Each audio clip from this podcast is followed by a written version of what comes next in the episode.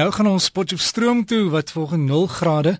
Uh dis daar my so koud. Nou is nie 'n windjie wat waai nie, so hy byt nie so erg nie. Maar Kobus van der Walt, ons omgewingspraatjie professor, hy sit daar reg om vir ons te sê hoe om die omgewing warm te hou. Hallo Kobus. Môre Derrick, môre al ons omgewingsvriende. Ja, nee, uh, Derrick, die, die goeie nuus natuurlik, die langste nag is nou verby. So ons is amptelik op pad somer toe. En uh, van nou af behoort dit uh die, dae weer begin langer word en uh, die kouetjie wat jy van praat word al minder invloed hê op ons lewens. Dan is dit ook skoolvakansie en ek weet al die jagters is op pad jagveld toe soos Gawie ook vroeër vanoggend vertel het. Um ek weet ook een van my goeie vriende Chris van der Walt en sy twee seuns, Chris was predikant op Koelsberg in Palabora. Hy is op pad na Vivo toe om te gaan jag en al die ander manne wat so ry, julle moet tog versigtig ry en ek beny julle die wegbreek na die uh, pragtige natuur toe daar in die Bosveld en die lekker vars lug en 'n uh, klompie koffie wat op 'n kampvuur in 'n keteltjie staan en brou. En dit bring by my by 'n brief wat ek ontvang het van meneer Jaco Swart van Hoedspruit wat nou vir my vertel na aanleiding van die koffie wat ek verlede week oor gesels het. Hy sê einde 1958 was hy 'n siviele ingenieurstudent en hy was lid van 'n opmetingsspan van die Transvaalse Paaie Departement destyds en hulle het in tentkampe gebly en dit was destyds nog sodat elke tentkamp 'n voltydse kok gehad en hulle kok se naam was kommissaris. En uh, kommissaris het altyd vir hulle heerlike moerkoffie gemaak met 'n keteltjie op die op die kampvuur en dan in die koffiesak. Maar hy sê die koffiesak was later aan heeltemal nou stikkend geweest, ehm um, met die gevolg dat elke keer as hulle koffie gekry het, het hulle met 'n klomp moer tussen hulle tande gesit. En eendag toe hulle terugkom by die kamp, toe kry hulle heerlike vars, moerlose koffie. En die hoofopmeter, ene oom Jan, vra toe vir kommissaris waar hy die nuwe koffiesak gekry het. En toe sê kommissaris, "Onthou meneer, daai ou vest wat meneer laasweek weggegooi het, ek het sy mou afgesny." Nou ja, dit is 'n 'n staaltjie wat ek dink uh by 'n mens bly vir die res van jou lewe. Baie dankie meneer Jaco Swart van Hoedspruit. En terwyl ek nou nog met die koffie besig is, verskeie omgewingsvriende het vir my geskryf en gevra of suiwer kitskoffie ook goed is. Uh al die heilsaamhede wat ek laasweek ook gesels het en die antwoord is ja, uh solank dit dan nou net suiwer koffie is. Dan uh 'n navraag wat ek ontvang het van Wessel en Joyce Oosthuizen van Boksburg wat wil weet wat mens met ou insekdoders moet maak wat nou vir jare lank in jou motorhuis gestaan het en wat nie meer gebruik word nie. En dan noem hulle 'n paar handelsname. Nou hulle sê iemand het voorgestel dat hulle die houers moet begrawe, maar hulle wil dit nou nie graag doen nie want hulle dink dit kan skadelik wees vir die grond. Nou baie dankie meneer en mevrou Oosthuizen vir daai navraag. En hier is natuurlik reg, houertjies vol pestdoders is iets wat wel skade kan aanrig indien dit verkeerd hanteer word en mense moet maar versigtig wees om op die regte wyse daarvan ontslae te raak. Die heel beste manier eh, om van klein volumes oorskiet pestdoder ontslae te raak is om natuurlik om hulle te gebruik presies volgens die voorskrifte op die houer. So gebruik alles op in die tuin en as jy dit nie self kan gebruik nie, vra jy bure of hulle dit nie dalk wil gebruik nie. En as dit dan nou onmoontlik is om alles op te gebruik, dan moet u maar u munisipaliteit se afvalhanteringsafdeling skakel en hulle raad vra oor hoe u van die goed ontslae moet raak. Maar ek dink die meeste munisipaliteite in Suid-Afrika sal waarskynlik nie vir u 'n uh, antwoord kan gee nie omdat ehm um, hulle nou nie almal gevaarhoudende afvalstortingsterreine bedryf nie. So om die houers of die oorskietpesdoder op gewone stortingsterreine weg te gooi is natuurlik nou nie uh, die aangewese manier nie. Dit moet eintlik na regte na gevaarhoudende afvalstortingsterrein toe gaan. Maar jy moet egter onder geen omstandighede asseblief nooit oorskietpesdoders in 'n afvoerpyp of in die toilet of in 'n wasbak afgooi nie want dit kan die werking van u dorp of stad se rioolaanleg ernstig benadeel sodat daar vir 'n tyd lank dan rou onbehandelde riool in ons riviere kan beland. Die pestdoder self ehm um, kan natuurlik ook op hierdie wyse in ons riviere beland waar dit groot skade kan aanrig. So ek dink die beste is om in u plaaslike koerant te kyk as 'n laaste opsie dan vir professionele pestbestrydingsmaatskappye en hulle dan te kontak sodat hulle op die korrekte wyse van u paar houers ontslae kan raak saam met hulle eie leehouers. Uh, dit kan nie moontlik 'n paar rand kos, maar uh, die beste is om die pestdoder alles te, op te gebruik volgens die voorskrifte en dan die houers mooi skoon uit te spoel en dit saam met u gewone afval dan weg te doen as u munisipaliteit dit toelaat. Die tweede navraag vanoggend kom van meneer Hannes Engelbregt van Bloemfontein. Hy skryf dat daar baie vrae is oor Transnet se plan om asbes naby die aar in twee grysgroewe te gooi en dit dan te bedek.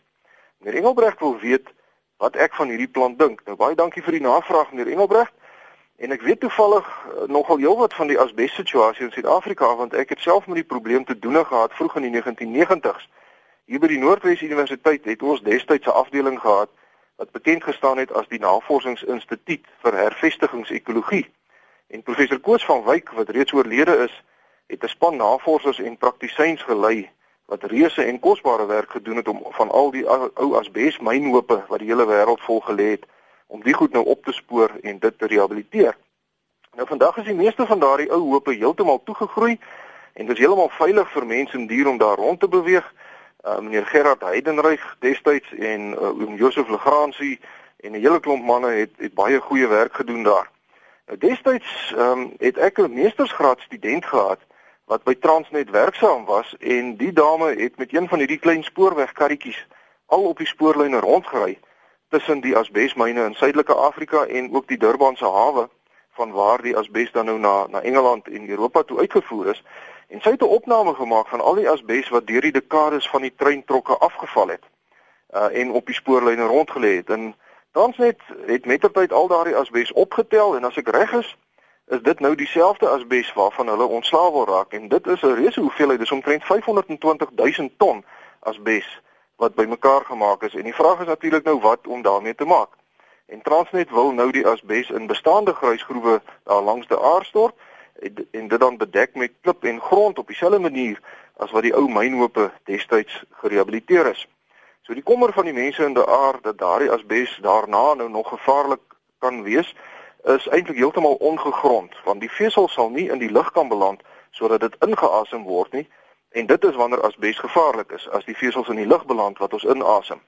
Asbes is chemies grootliks inert, so dit sal nie grondwater besoedel nie. So met die voorgestelde metode om van die asbes ontslae te raak, dink ek nie is daar fout nie. Maar al wat my bietjie pla is die beginsel in afvalbestuur wat stel dat mense nie oral in ons land nuwe afvalterreine moet skep nie, maar eerder die afval moet konsentreer en dit wegdoen op plekke wat reeds besoedel is of waar daar reeds so, uh, ander sulke sulke afvalhope is. So my aanvoeling sou wees dat Transnet dalk miskien eerder moet soek na 'n area in die omgewing van die bestaande ou asbesmyne tussen Prieska en Kuruman sodat mense dan in daardie area op die regte manier van die asbes ontslae kan raak en dit dan behoorlik kan rehabiliteer. So my raad aan die inwoners van De Aar sal wees om alternatiewe vir die gruisgroewe te probeer identifiseer en dit dan aan Transnet en die regering voor te lê tydens die omgewingsinvloedbepaling proses. Want volgens wet moet u die geleentheid kry om u standpunt oor die saak te stel. Die belangrike egter is dat die asbes op so 'n wyse weggedoen moet word dat die vesel nie weer in die lug kan beland nie want mikroskopiese asbesvesel kan vir honderde kilometer deur die wind versprei word. Dan die derde item op my lysie vanoggend is 'n baie spesiale blommeskou wat onder my aandag gebring is deur meneer Jan Gruiling. Hierdie blommeskou, jy die Cape Floral Kingdom Expo.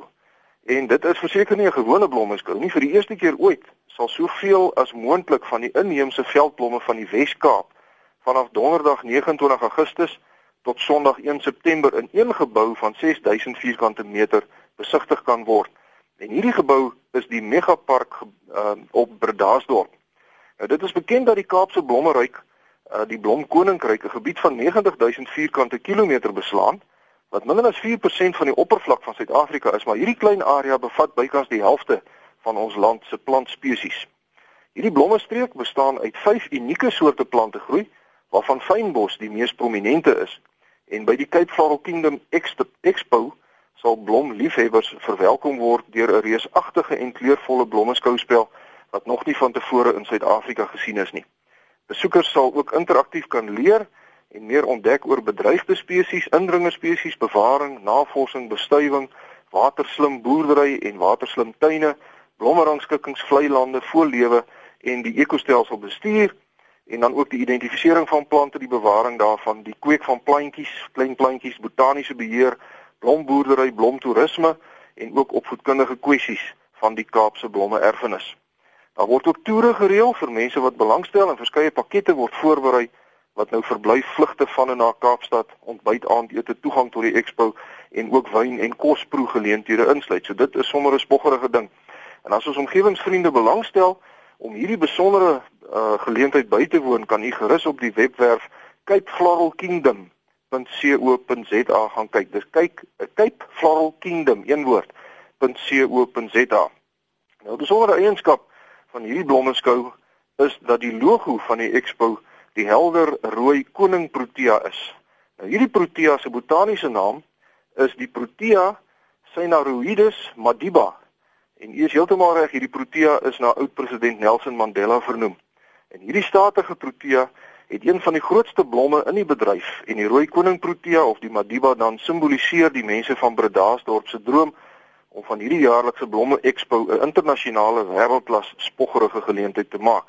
En ek wens die organiseerders alle voorspoed toe met hierdie pyp inisiatief om ons pragtige land se nog pragtiger blommeryk nog beter en verder bekend te stel. Die datum is net weer tussen 29 Augustus tot 1 September en dit is in Megapark op Bredasdorp. Um en u kan gaan kyk op die webwerf capefloralkingdom.co.za. Dit ek sien my tydjie is alweer verby. Uh ek uh, wens al ons omgewingsvriende 'n heerlike week toe tot ons weer gesels. As u vir my wil skryf, is u welkom. My rekenaaradres is kobus.vanderwalt@nwu.ac.za of ek is by die fakulteit Natuurwetenskappe, Noordwes Universiteit, Potchefstroom 2520. Hartlike groete tot 'n volgende keer. Tot 'n volgende keer dan ook aan Kobus van der Walt. Daai e-posadres is kobus met 'n k van der Walt aan mekaar. Kobus.vanderwalt by nwu.ac.za.